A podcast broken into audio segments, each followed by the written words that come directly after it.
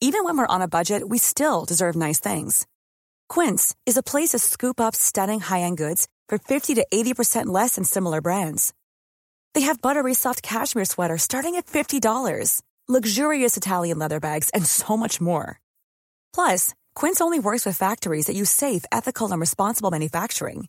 Get the high-end goods you'll love without the high price tag with Quince. Go to quince.com slash style for free shipping and 365-day returns. Life is full of awesome what ifs, and some not so much, like unexpected medical costs. That's why United Healthcare provides Health Protector Guard fixed indemnity insurance plans to supplement your primary plan and help manage out of pocket costs. Learn more at uh1.com. Hey, it's Ryan Reynolds, and I'm here with Keith, co star of my upcoming film, If, only in theaters, May 17th. Do you want to tell people the big news?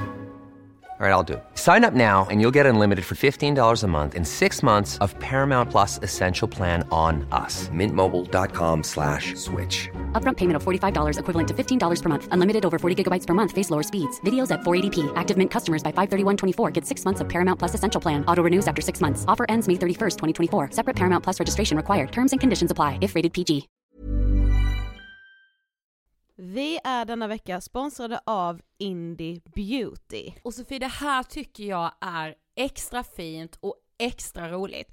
Ja men Indie Beauty är ju ett skönhetsvarumärke som jag tror att väldigt många känner till, men det jag älskar mest det är att Indie Beauty liksom vill vara mer än bara produkter, vilket de ju också är. Exakt. Indie Beauty står ju för Independent Beauty, skönhet på dina villkor och för din egen skull. Och Indie Beauty tror ju stenhårt på ett alternativt skönhetsideal fritt från måsten, skam och känslor av otillräcklighet. Där är jag helt med Indie Beauty. Jag med. Det är så jag vill att skönhet ska vara. Ja men verkligen. Och vet du vad som är nytt för i år Sofie? Berätta. Från och med i år så skänker Indie Beauty 1% av sin försäljning till Suicide Zero, Tjejzonen och Djurens Rätt. Så när man handlar produkter från Indie Beauty så kan man liksom känna att man också ger tillbaka till samhället. Ja, kraften i tillsammans. Ska jag säga en sak nu då, som Mm. jag, det, men det är detta jag är extra glad över.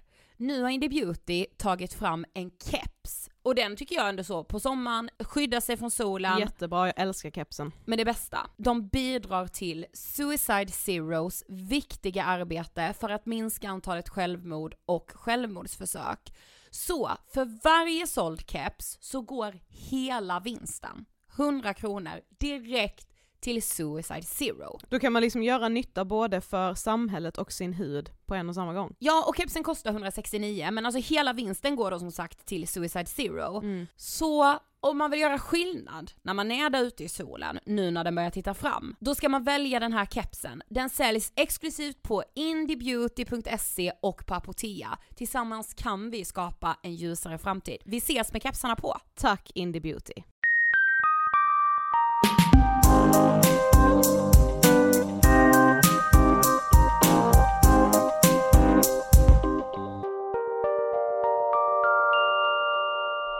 Hej allihopa och välkomna till avsnitt 371 av Ångestpodden. Hej! Och förra veckan när vi släppte vårt avsnitt så hade vi ju ingen aning om att det skulle starta igång ett krig. Eh, Alltså, samma dag som vi ju släppte avsnittet. Exakt, alltså ingen aning och ingen aning men så här, jag, alltså jag kunde ju inte tänka mig att det verkligen skulle vara väpnad Nej, konflikt i form av krig. precis. Eh, nej precis, så det, därav att vi inte nämnde någonting förra veckan. Mm. Eh, men, eh, ja hur mår du? Alltså vad känner du? Jag vet inte, jag tycker dels att det är skitsvårt att prata om det ur den aspekten att så här, jag vet, vi vet inte hur det kommer se ut nu när vi släpper det här på torsdag. Idag, det är tisdag när vi spelar in det här Mm. den första mars. Eh, men där vi är nu så känner jag alltså sjukt mycket ångest. jag med. Jag har nog aldrig varit så påverkad av alltså yttre omständigheter tidigare i mitt liv typ. Och Nej. jag, alltså för mig är jag vet inte om det är helt fel att säga det för att pandemin har såklart också varit helt fruktansvärd och jag lider så mycket med de som blivit, blivit påverkade direkt av pandemin också. Men det här är, pandemin var ingenting om jag jämför med vad Nej. jag känner nu. Och det är, det är så min ångest har tätt sig i detta. Ja, ja Eh, jag relaterar verkligen också till det. ja. Eh, ja, men jag tycker det är ganska intressant när vi pratar, alltså som jag tycker är ganska så alltså tidstypiskt i form av så här, ja men att, att leva i en liksom självhjälpskultur och att alltid liksom maximera sig själv. Att det som nästan är så här, det som nästan ses som osunt är att konsumera mycket nyheter. Mm. För att åh tänk på dig själv, kanske var fjärde timme, eller någonting, alltså den, Alltså det typ skrämmer mig ganska mycket. Att det är ju inte så här- oroväckande många som har sa- sagt att de inte kollar på nyheterna längre för att de får Ja. så mycket ångest. Va? Alltså jag vill kolla varje vaken sekund och något i mig är också så här, det är väl för fan det minsta jag kan göra för de som just nu ligger i källare, i tunnelbanan, som packar sina liv i påsar eh, och flyr. Ja, Alltså, va? Alltså att jag, att man vill vara uppdaterad, alltså man hör, jag, bara senast i morse fick vi så här, vi bara vi uppdaterar hela tiden och man får ha en regel för ofta, varför då? Jo, Vad är så- det? Jag menar heller inte, alltså återigen det är så jävla mycket pekpinnar också kring vilka som gör rätt i detta och jada jada. Jag menar inte att man måste, för jag har blivit helt manisk med att uppdatera nyheterna. men jag menar- Och det tror jag kanske inte är helsunt heller. Nej, men jag, jag tycker ju tycker- hellre det än att inte konsumera nyheter alls för att man får ångest av Ja det. men folk, alltså ja, ja, jag tycker snarare det är liksom, jag, jag, jag säger inte att det är problematiskt att inte, att inte konsumera nyheter alls, enormt problematiskt. Mm. Att ha en regel för var fjärde timme, jag tycker inte att det, det ser jag inte som problematiskt, men det är ju inte det heller som möts av så här.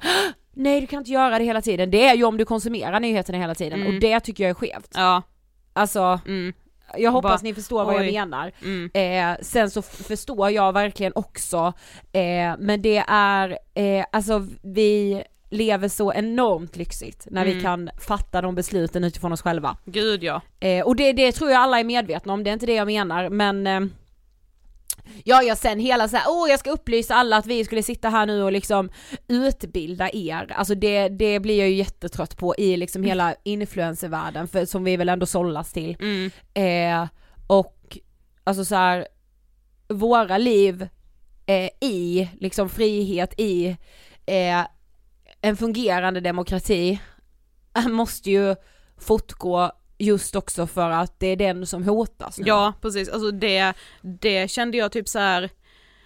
jag blev liksom lite äcklad av mig själv typ när jag skulle fortsätta göra saker som inte var att bara då isolera mig hemma och konsumera nyheter en hel dag. Mm. Alltså jag typ liksom så äcklades av friheten vi har. Samtidigt som jag var så här, ja men som du säger att vi måste ju försöka leva på i den mån vi kan som vanligt för att dels är det demokratin som är hotad men också för alla de som inte kan göra det just Mm. nu. Eh, ja.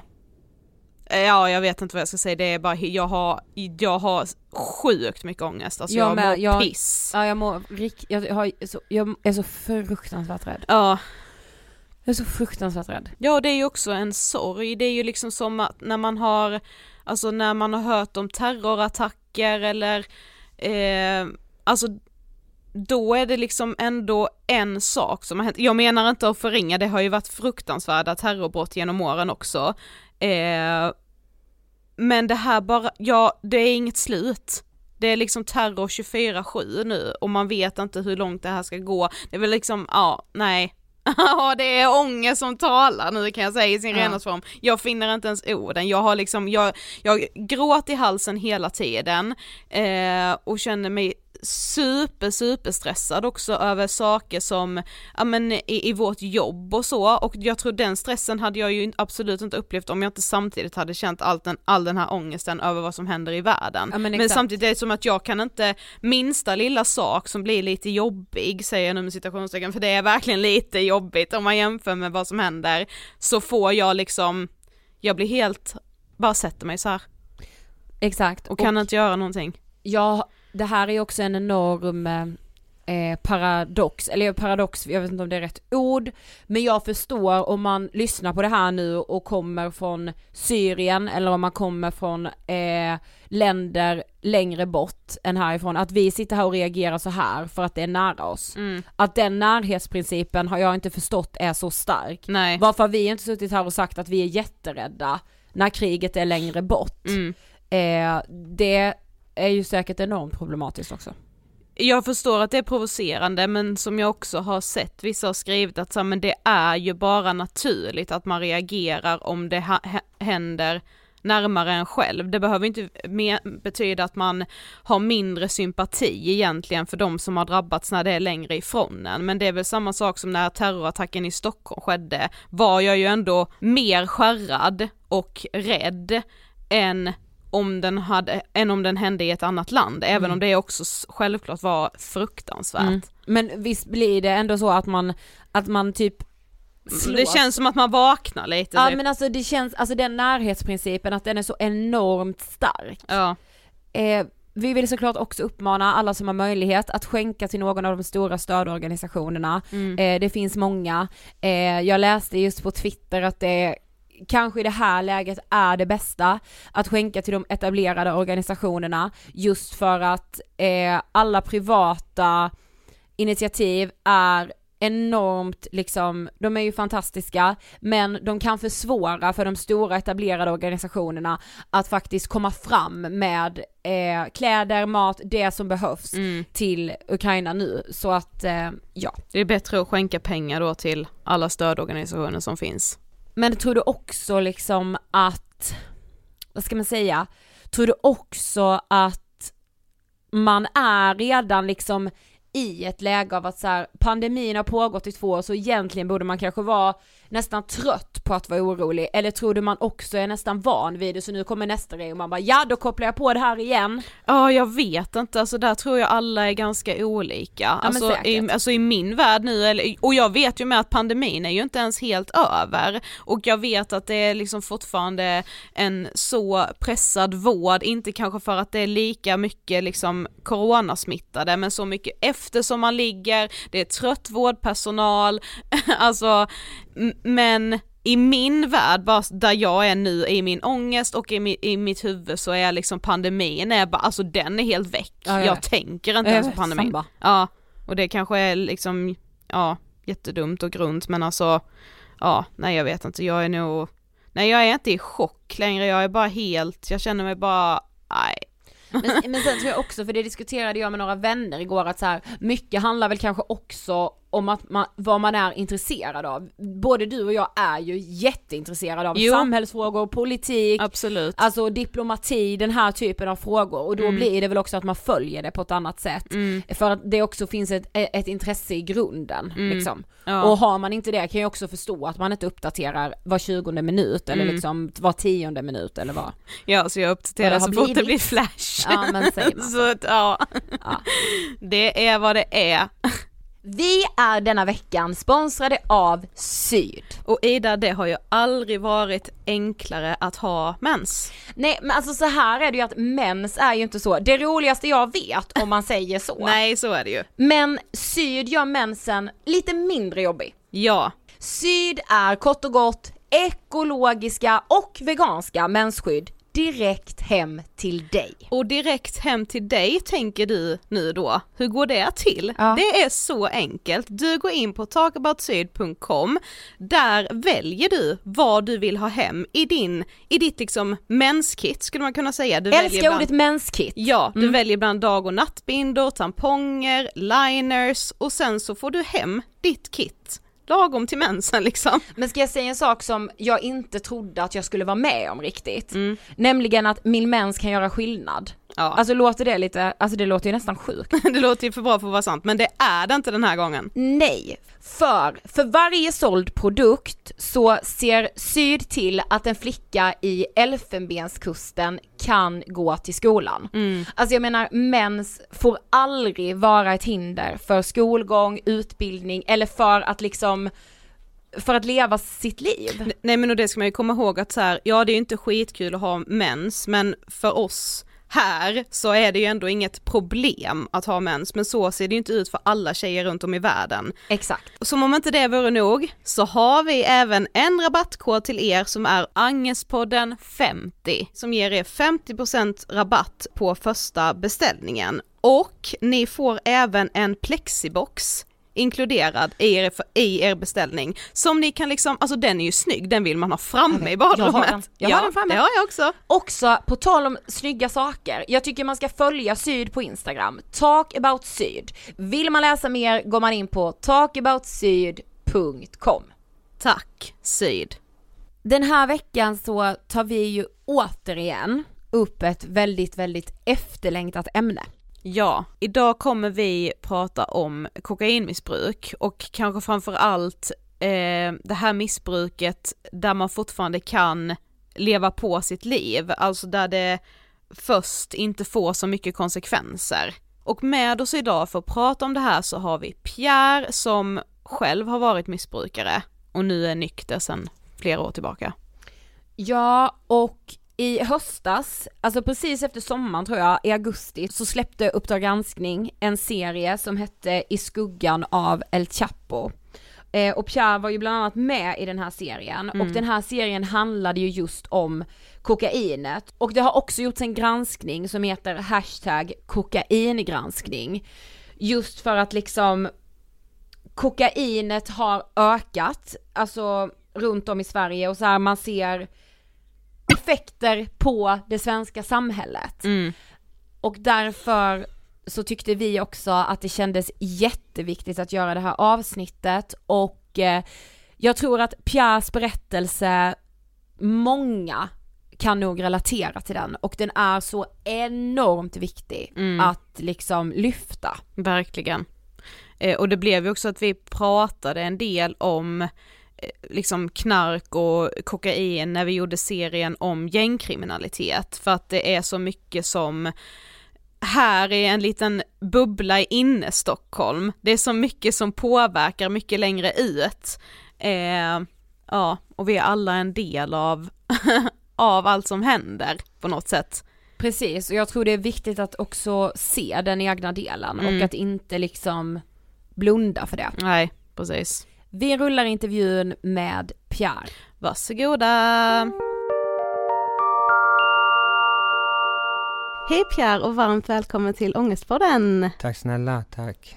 Vi är jätteglada att du är här. Ja.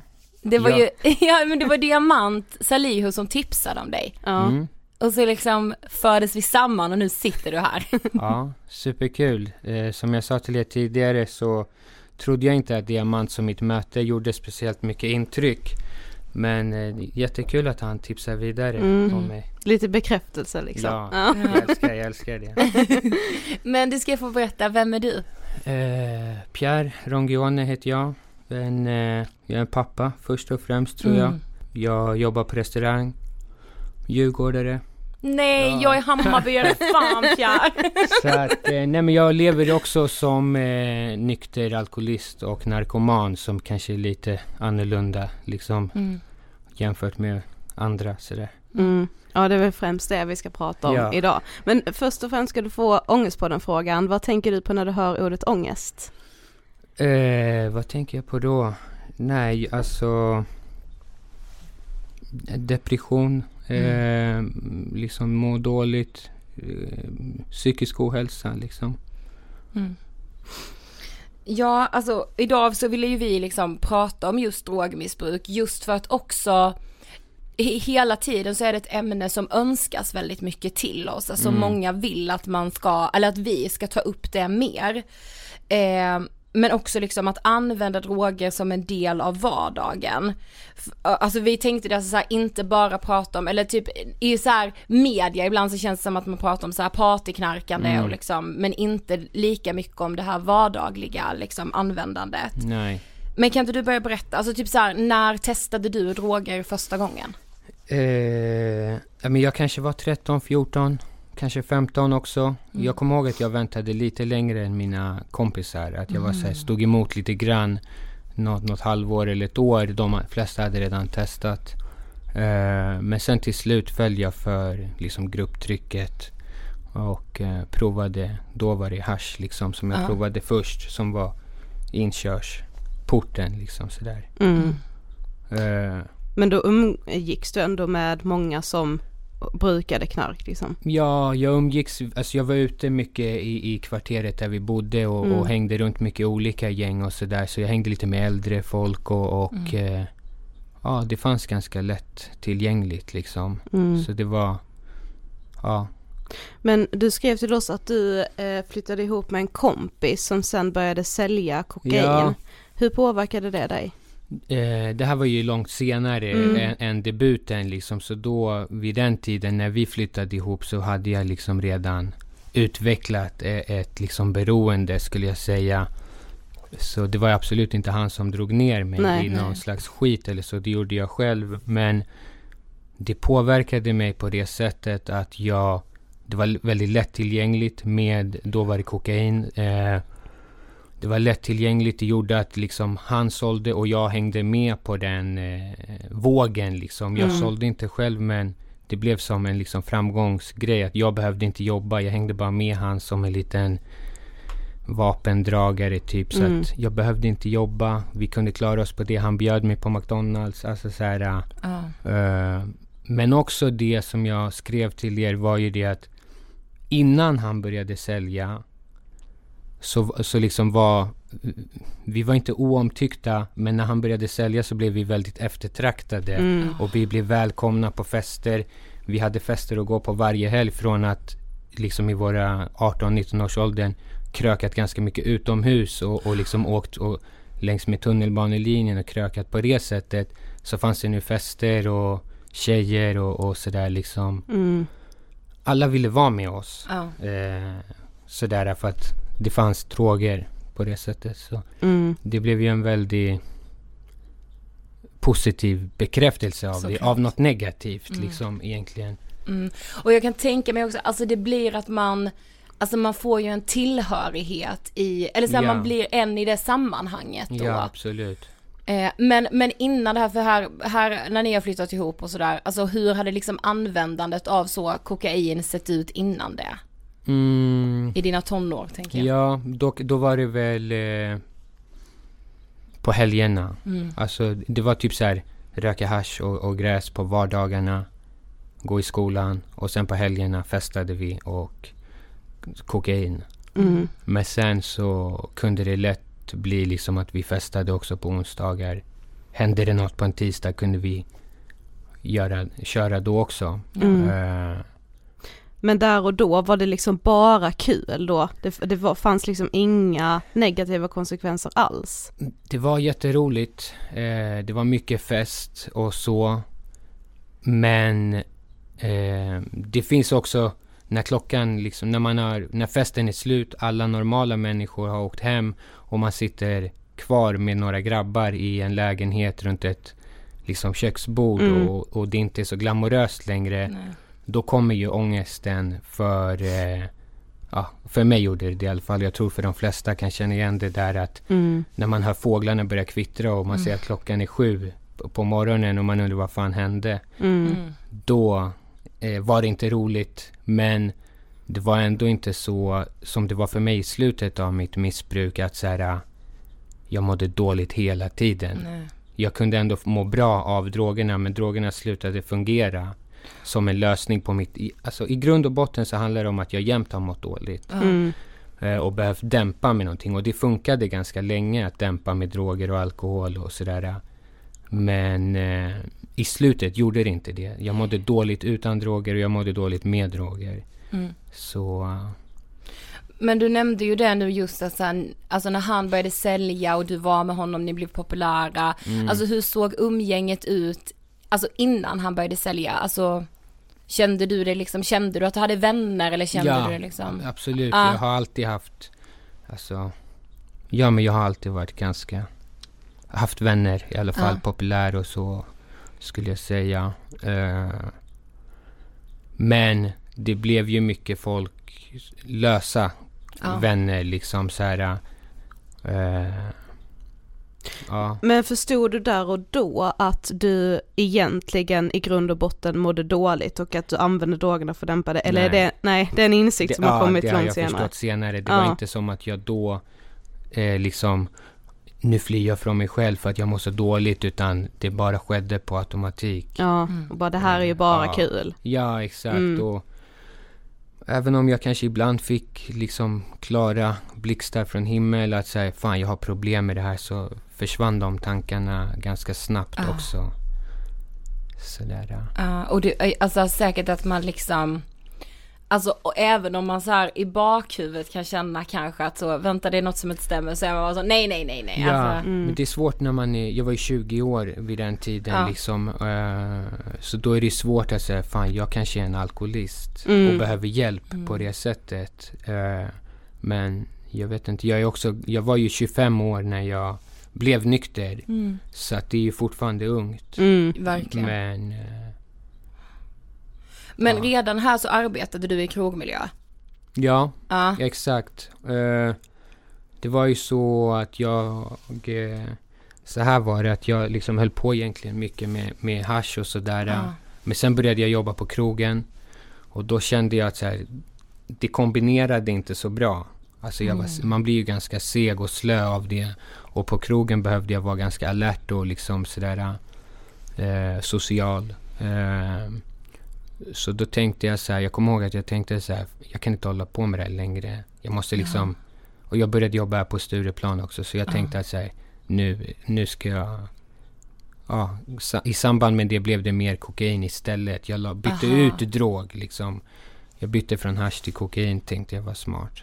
Så, Ah, så ja. det var inte så att du tänkte att så nu slutar jag utan så här nu byter jag drog så att jag blir mer upp. lite så var det. Ja, Men jag, jag tänker också att det kan kännas som att så krogmiljön är ju liksom, ja men det är en plats för feststämning, alltså om man Exakt. då redan har liksom ett beroende eller liksom brukar droger, Mm. det blir, man blir ju väldigt liksom utsatt för den där feststämningen. mm. Hur Exakt. kunde det liksom påverka dig? Eh, det kunde påverka mig att för mig i början så trodde jag att jag kunde ha samma livsstil som mina gäster.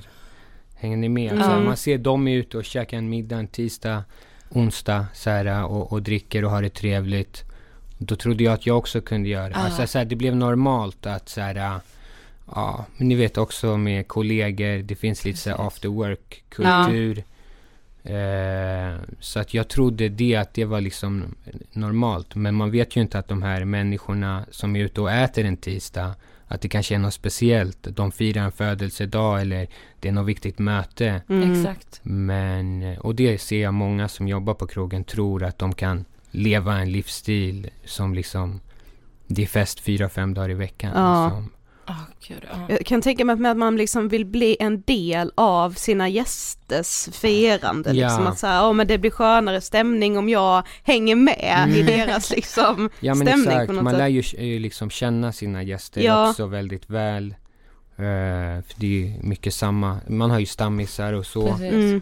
Eh, men sen så börjar man ju liksom känna andra, folk som jobbar i restaurang, alltså restaurang Stockholm är inte så stort. Nej. Så man känner ju liksom de som jobbar där och det är lite coolt så att Mm. man ska känna folk. För, Mm. Alltså Aha, ja. det, det var liksom viktigt för mig. Nu tycker jag att det är supertöntigt. Men eh, Men tog du även på arbetstid?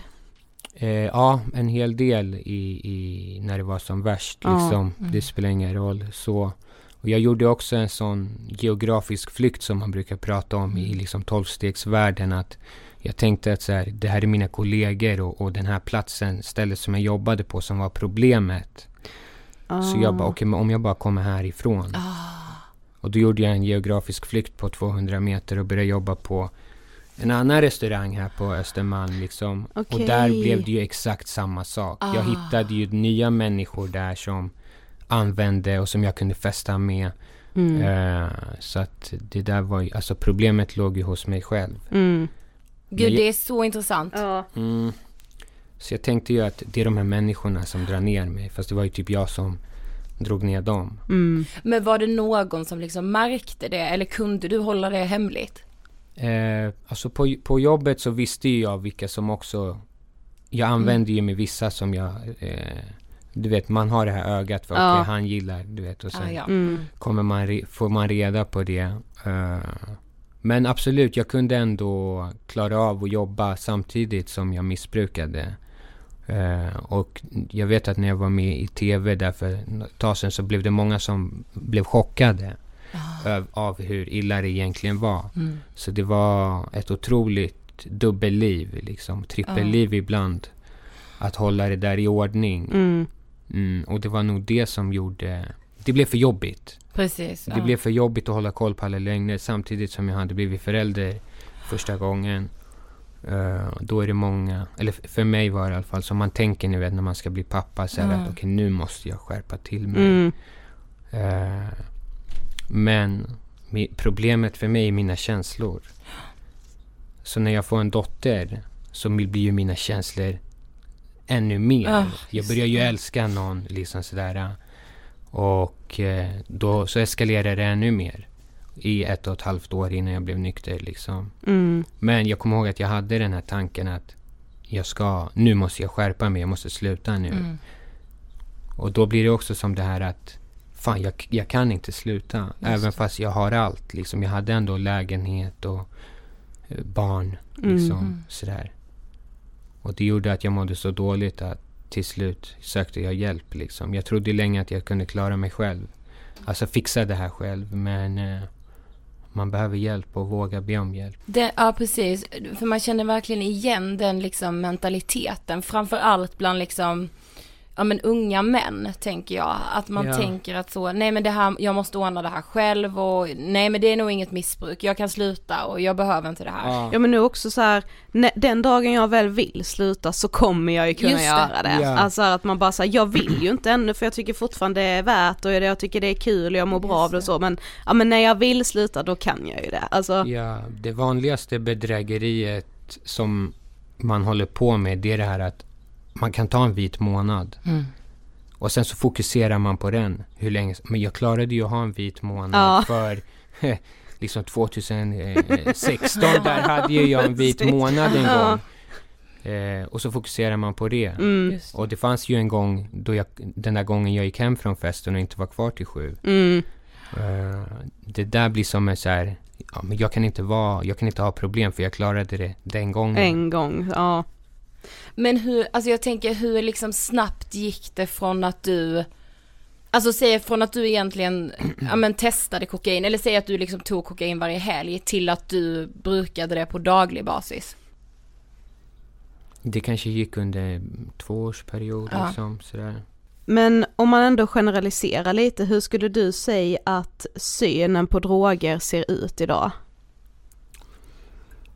Uh, uh, bra fråga. Jag, jag vet faktiskt inte. Jag, alltså jag hoppas inte att folk tänker att kokain är någon så här partydrog längre och att folk fortfarande är så naiva att man mm. tror det. För uh, så är det ju inte.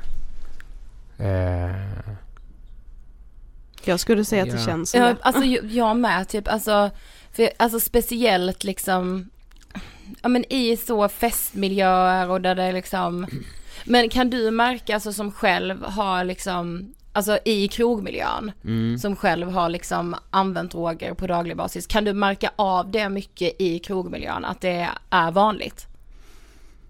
Eh, jag märker att det är väldigt liksom normaliserat, märker jag. Mm. Eh, jag märker att liksom nya kollegor till mig kan komma som inte vet min historia, du vet, det, går, det byts ganska mycket personal på det. Life is full of awesome what ifs and some not so much, like unexpected medical costs. That's why United Healthcare provides Health Protector Guard fixed indemnity insurance plans to supplement your primary plan and help manage out of pocket costs. Learn more at uh1.com. This is Paige, the co-host of Giggly Squad, and I want to tell you about a company that I've been loving, Olive and June. Olive and June gives you everything that you need for a salon quality manicure in one box. And if you break it down, it really comes out to $2 a manicure, which is absolutely insane. It's also so easy to get salon worthy nails at home with Olive and June. The difference between how your nails used to look when you did them yourself and now with the Manny system is a complete game changer. The best thing about Olive and June too is it's a quick dry, dries in about one minute, lasts for five days, and full coverage in up to one to two coats. Visit oliveandjune.com slash perfectmanny20 for 20% off your first system. That's oliveandjune.com slash perfectmanny20 for 20% off your first system. Hey, it's Ryan Reynolds, and I'm here with Keith, co star of my upcoming film, If, only in theaters, May 17th. Do you want to tell people the big news? All right, I'll do it. Sign up now and you'll get unlimited for $15 a month in six months of Paramount Plus Essential Plan on us. Mintmobile.com slash switch. Upfront payment of $45 equivalent to $15 per month. Unlimited over 40 gigabytes per month. Face lower speeds. Videos at 480p. Active Mint customers by 531.24 get six months of Paramount Plus Essential Plan. Auto renews after six months. Offer ends May 31st, 2024. Separate Paramount Plus registration required. Terms and conditions apply if rated PG. branschen. Mm. Och folk som inte känner mig kan komma och säga så här, första gången vi jobbar med varandra att jag ska hem och röka en fet efter jobbet. Och det tror jag inte händer på liksom på SCB eller på ett kontor att man, man pratar så öppet om droger Nej. och alkohol. Eh, så att på det sättet är det ju normaliserat och Mm. Alltså jag vill inte heller med mina kollegor döma dem. Att så här, jag vill inte, du har problem, du borde göra som jag har gjort. Nej. Eh, det får de liksom komma till insikt med själva och då kan de komma och fråga mig om hjälp. Men eh, eh, ja, Mm. fattar ni? Det är ganska normaliserat det svaret Ja. på frågan. Mm. Ja, Absolut. Mm. Men du träffade ju din tjej och ni jobbade på samma jobb och hon blev gravid. Vad hände med ditt liksom användande då? Eh, vad hände med det? Men det där var, det var väldigt, med henne så var det så att hon kom från en värld som var, in, hon var inte van vid droger på samma sätt som jag var. Mm. Alltså, kanske, jag vet inte om hon blundade för det, men hon förstod aldrig att jag använde, för jag dolde det för henne också. Ja, Eh, så att när det liksom, det var ju också en, ett helvete att hålla koll på allt Ja, det där. såklart. Men eh, när, när jag sen blev nykter och liksom kom på mitt första tolvstegsmöte så berättade jag det för henne. Och då blev det ett stort svek såklart. Mm. Hon kände sig väldigt dum vet jag. Alltså att man kan ha missat det här. mm, hur kan jag inte ha fattat liksom? Mm. Och till slut så blev det liksom så att det blev en för stor svek för att vi skulle kunna hålla ihop det. Mm, Eh, det var nog det bästa. Alltså det var det bästa också men eh, ja, mm, det blev ett stort svek. Men tänkte du liksom när hon blev gravid att så här, nu ska jag sluta? Absolut hade jag det. Jag tänkte sen när barnet har kommit. Ja, Då. mm. Men du blev pappaledig. Alltså berätta hur, hur såg liksom livet ut när du blev pappaledig? Eh, ja, pappaledigheten var... Jag kommer ihåg att båda mina pappaledigheter har varit liksom på mörkaste vinterhalvåret. Mm. Så, här, så det har varit mycket eh, ute och springa med barnvagnar i snön och dra och sådär. Men hur såg det ut då? Ja, men det kunde se ut så att jag liksom drog in till stan ibland med när hon hade kommit hem. För att liksom, det blev för mycket för mig att vara hemma för många dagar. Jag klarade inte av det. Jag behövde liksom eh, fucka loss på något Ja, sätt. Mm. med?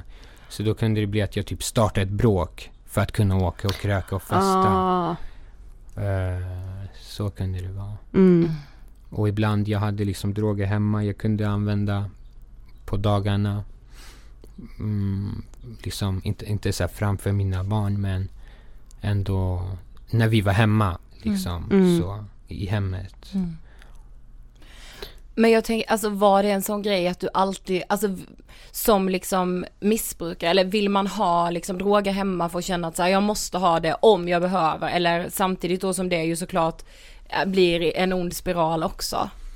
Alltså jag kunde ju ha liksom eh, Det var inte som att jag missbrukade 24 timmar om Nej. dygnet men eh, Det var ju ändå ganska vardagligt så Mm. men jag kunde inte heller ha droger hemma för jag var rädd att hon skulle hitta det så jag Ja, brukade såklart. gömma det i, i källaren. Liksom sådär. Så Mm. sprang, det var mycket upp och ner till källaren. Mm. Eh, du vet, tvätta och liksom Mm. man hittar på saker. Men eh, ja, det var kanske inte, när jag var pappaledig, kanske inte varje dag, men jag behövde mina urfackningar Ja. ibland. Att jag startade upp någonting eller att jag hade droger någonstans gömt liksom. Mm. Mm. För du har ju nämnt det nu att du nästan levde som ett trippelliv ett tag. Alltså Ja. hur såg det ut? Kan du förklara lite? Ja, men det, eh, dels med det att man liksom ljuger om, eh, eh, ni vet, behöver gömma droger, man känner sig Mm. fan smutsig. Mm. Man behöver också, det går inte att förklara vad jag gör ute i Bagarmossen när hon ringer mig. Nej. Eh, det, liksom, vi bodde i Tä- jag bor i Täby, Mm. så vad gör du där då, när man ska träffa någon langare eller någonting? Eh, konstiga taxiresor som man liksom har på kortet som inte går att förklara. Eh, samtidigt som man liksom på Instagram försöker vara lägga upp bilder med sin dotter och att man Mm. är pappaledig och har det bra. Ute och fikar liksom. Ja. Så det är det Mm. dubbel och trippellivet. Mm. Eh, ja, samtidigt som jag liksom festade omkring här eh, och hängde med massa konstiga människor som inte gick att förklara liksom. Mm. Så det väl så det kunde utspela sig. Trippellivet, dubbellivet Mm. liksom. Men liksom här, alltså där vi pratar nu, du är pappaledig, alltså hur kände du, alltså hur mådde du egentligen? Hade du någon liksom insikt i det? Eh, grejen var så här att jag trodde ganska länge att jag mådde helt okej. Ah. Att det var inte något problem. Det är liksom senare när jag har tillfrisknat och varit nykter ett tag som jag kan se när jag kollar tillbaka på det att fan vad jag mådde dåligt under den här perioden. Ah. Mm. Liksom.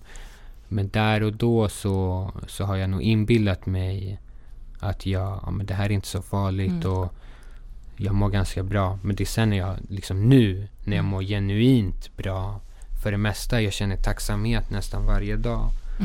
Då, eh, då kan jag ju se skillnaden. Ja. Mm. Men när din dotter skulle döpas så var det väl lite som att du typ nådde rock bottom kan man säga. Vad hände då? Ja, rock bottom var lite senare, men det var liksom ändå en skamlig, en skamlig grej har jag förstått i efterhand. Då var det inte några konstigheter med det, men Nej hela dopet det var liksom, jag ville ha det för att det skulle vara en fest och att vi skulle fira att jag har fått en dotter och liksom samla ihop alla kompisar och, och, och familj och sådär.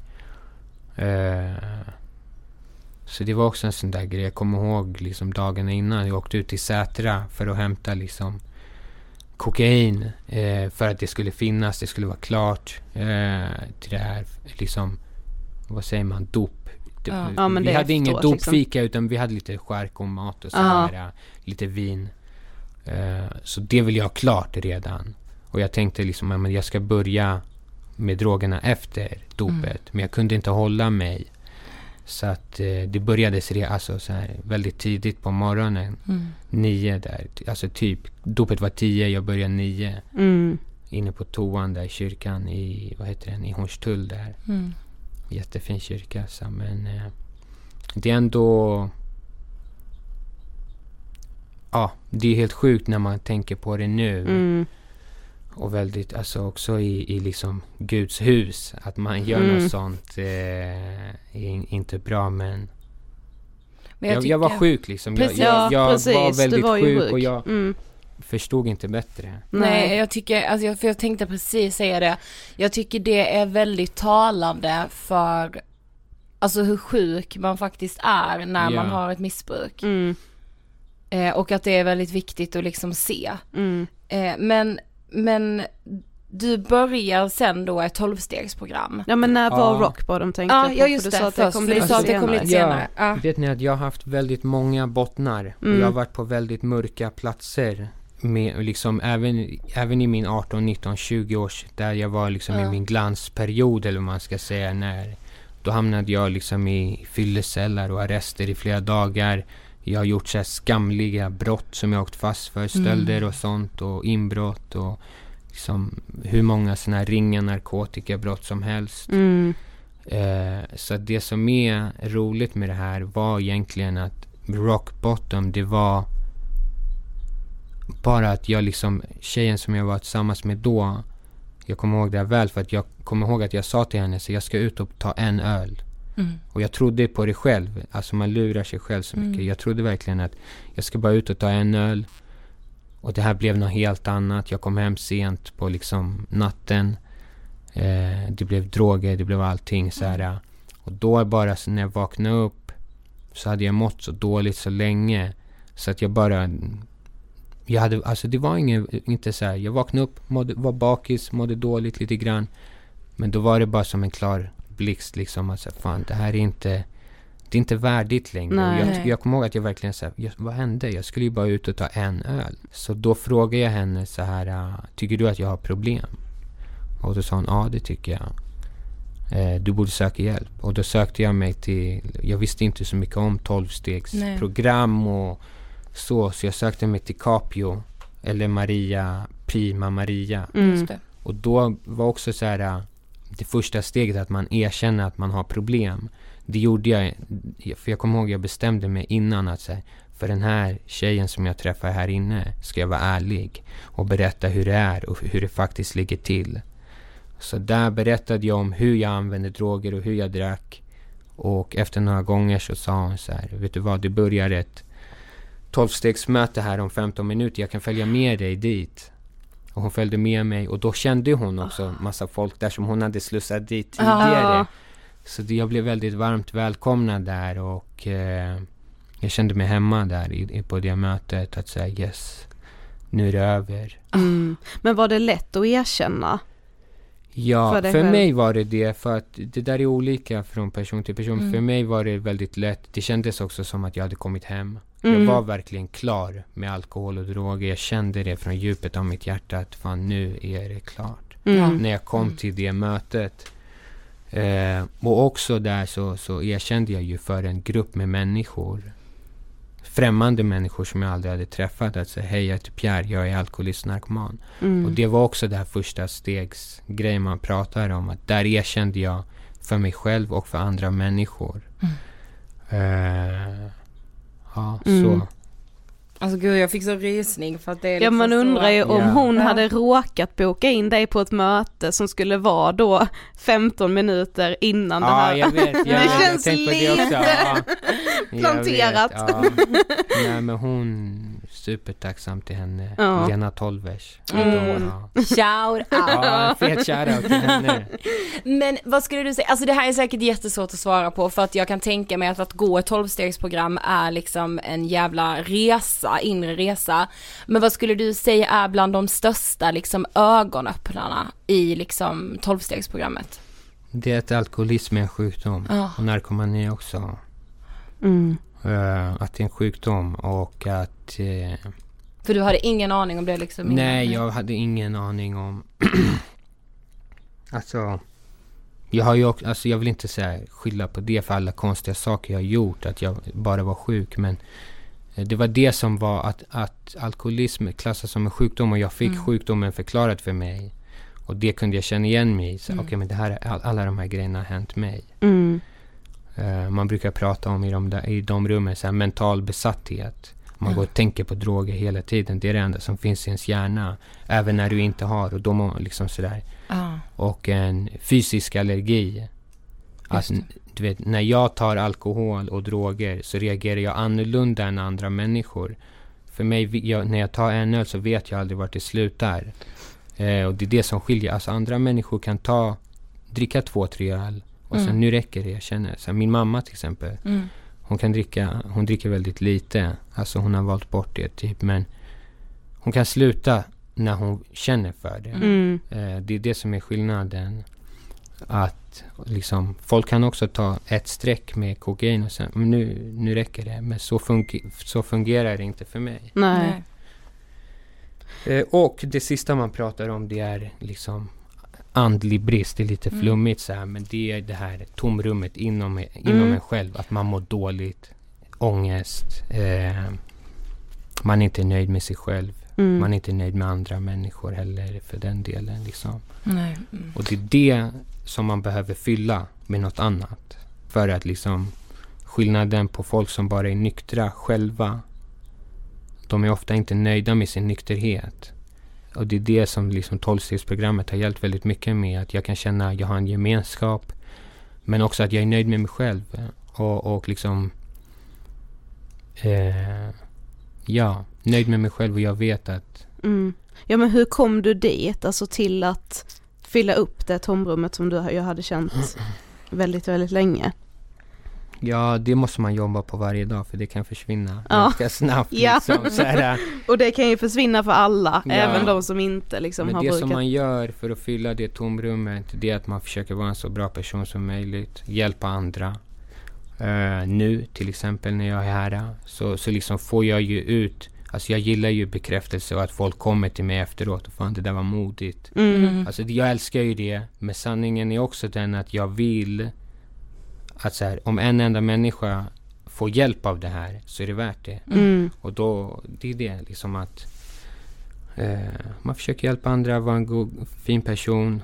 Eh, eh, det här kanske folk blir skrämda av, men liksom en högre makt eller Gud. Eh, man, be, liksom, man behöver en tro, även om det är på något litet. I början för mig så var tron att det här kan fungera. Om jag liksom går på de här mötena och eh, liksom är nykter så kanske jag kan börja må bra. För det var det jag ville göra, börja må bra. Eh, och sen efter, ni vet, man får mycket sidovinster av att, ni vet, in, bara, inte bara fysiskt att man känner sig starkare, men det händer bra saker för en. Mm. Exakt. Eh, Mm. Folk börjar lita på en igen.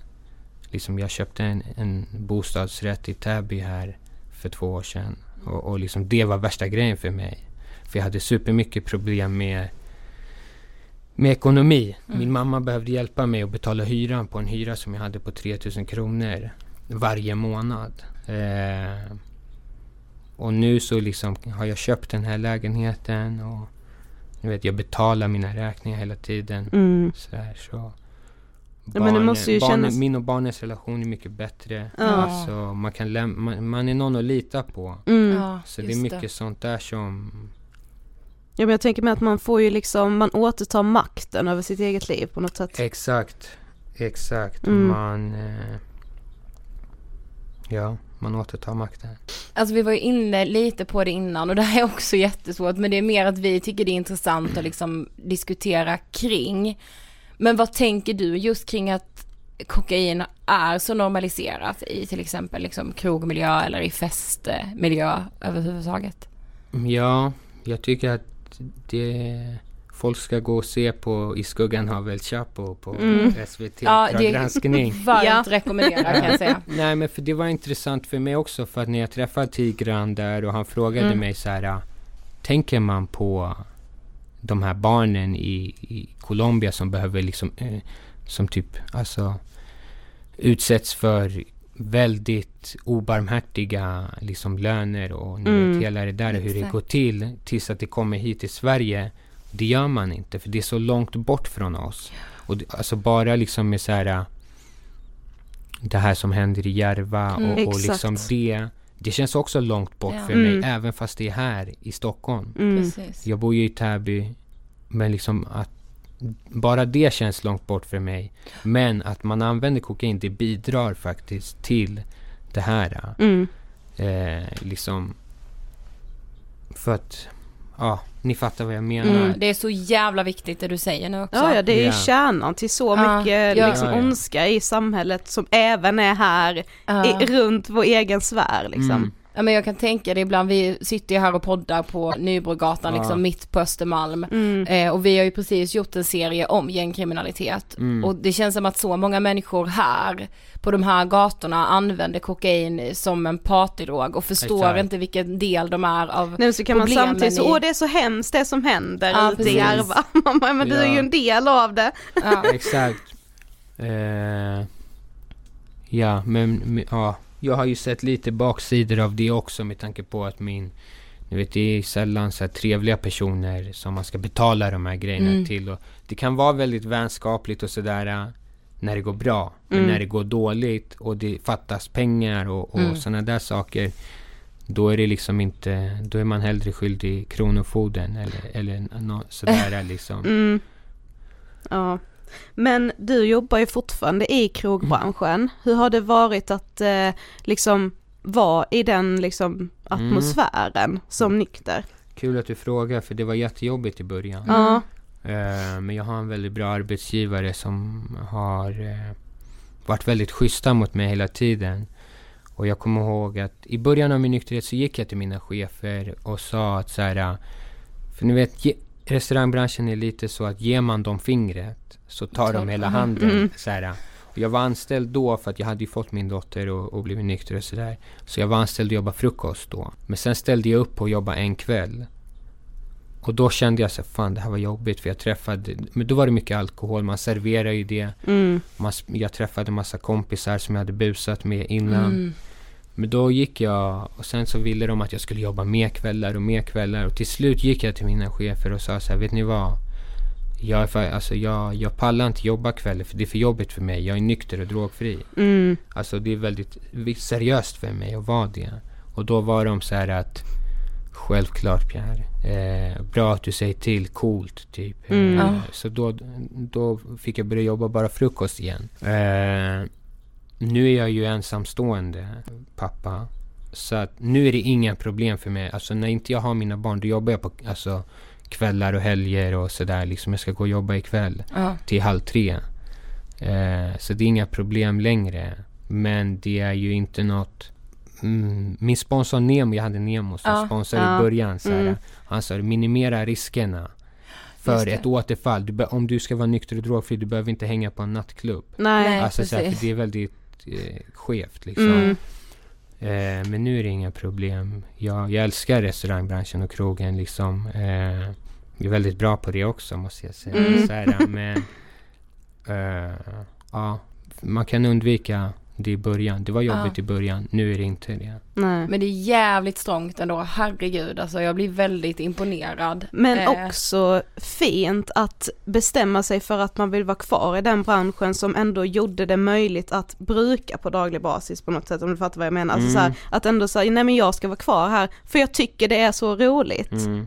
och jag älskar det. Alltså det är väldigt fint att man ändå kan fortsätta älska någonting som har varit liksom en del av ens Ja, mörka exakt. tid i livet också. Men det, det var ju inte fel på branschen utan det var ju fel på, på mig liksom. Mm. Eh, men sanningen är, alltså jag funderar ju lite nu på att plugga och sådär också. Mm. Med nykterheten har det också blivit lite viktigt för mig att prestera.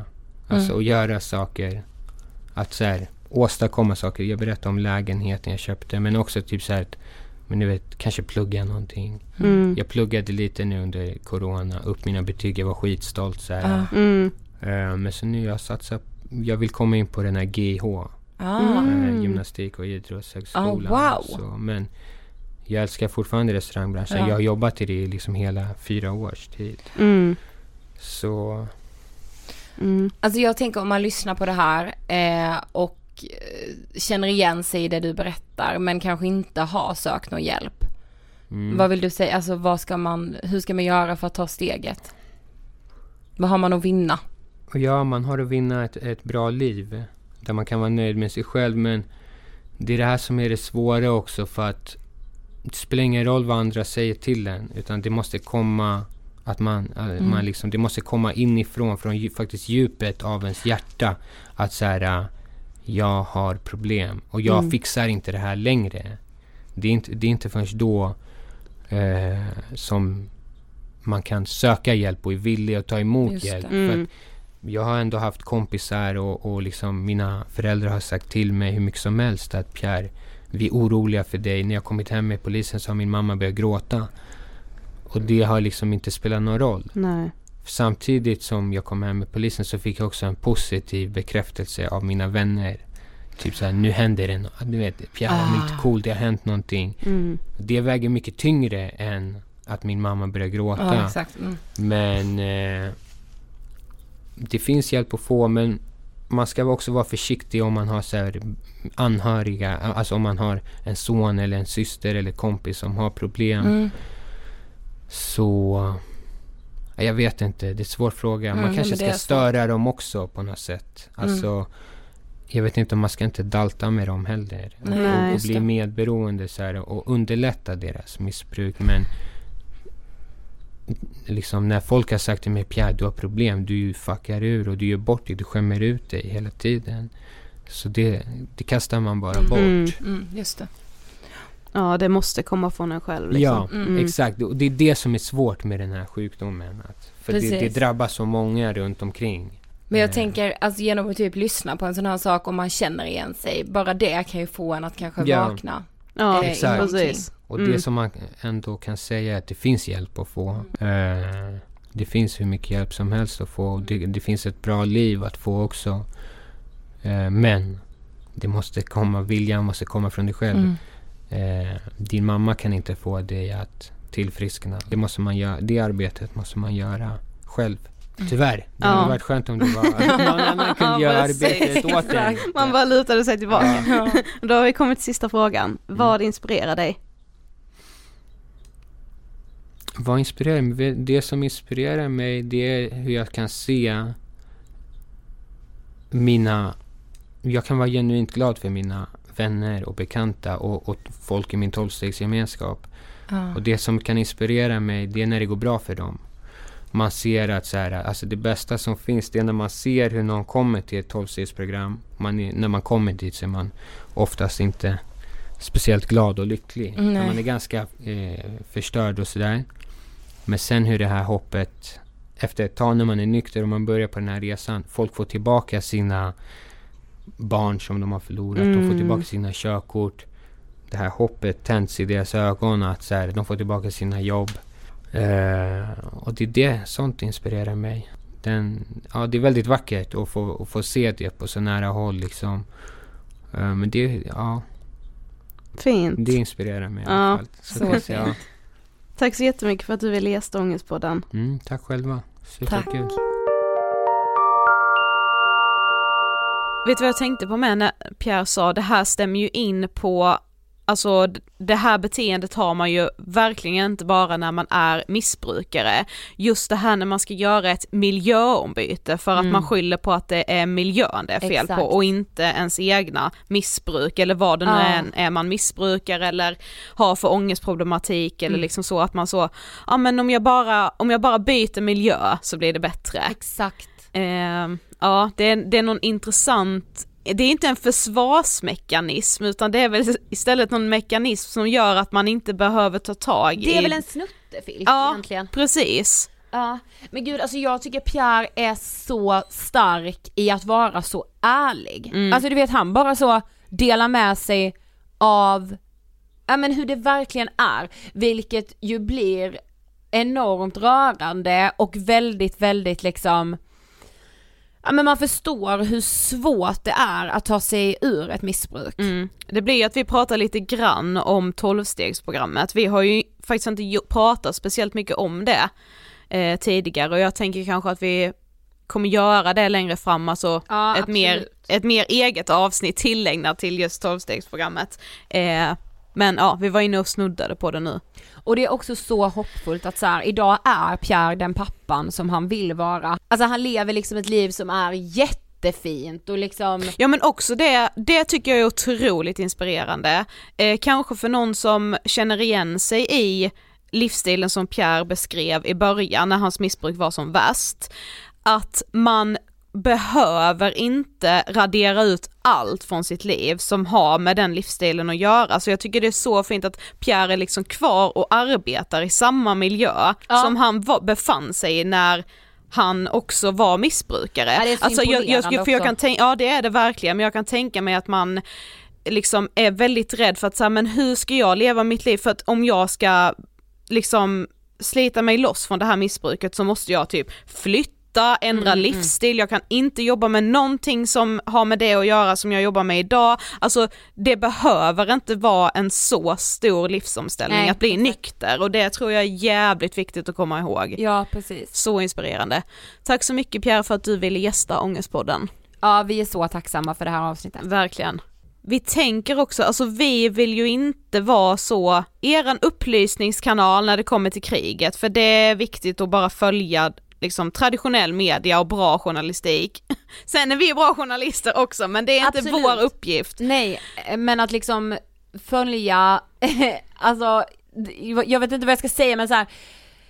media med tyngd, media som har och gärna liksom flera av de medierna, inte liksom någon alternativ.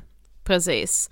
Eh, men vi undrar ändå om ni vill att vi ska göra ett avsnitt som är liksom med där vi pratar om ångesten som kanske många upplever nu, likt den vi gjorde, vi gjorde ju ett extra avsnitt i början av pandemin Exakt. med Erik Fernholm mm. om just så här ångesten man kände kring pandemin och så här, shit den här omställningen som hela världen stod inför. Om ni vill att vi ska göra ett avsnitt om ångesten man känner nu, hur man kanske ska prata med eh, sina barn eller småsyskon som också är jätterädda. Exakt. Eh, det är klart som fan att vi är många med mycket ångest nu. Ja men verkligen, om vi ska göra det tillsammans med en psykolog eller någon expert från någon myndighet eller, mm. ja men skriv till oss vad ni tänker, vill ni ha ett sånt avsnitt? Ja. Eh, det var allt för den här veckan. Ja, nästa vecka är vi tillbaka med allas vår bakdrottning nummer ett. Åh, så härligt. Det kommer bli otroligt. Jag blir typ hungrig nu. Ja. Okej, okay. hejdå! Hejdå!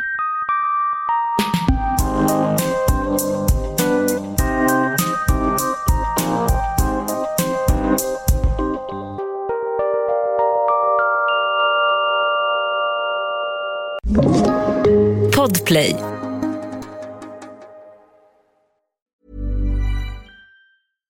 Hi, I'm Daniel, founder of Pretty Litter. Cats and cat owners deserve better than any old fashioned litter. That's why I teamed up with scientists and veterinarians to create Pretty Litter. Its innovative crystal formula has superior odor control and weighs up to 80% less than clay litter.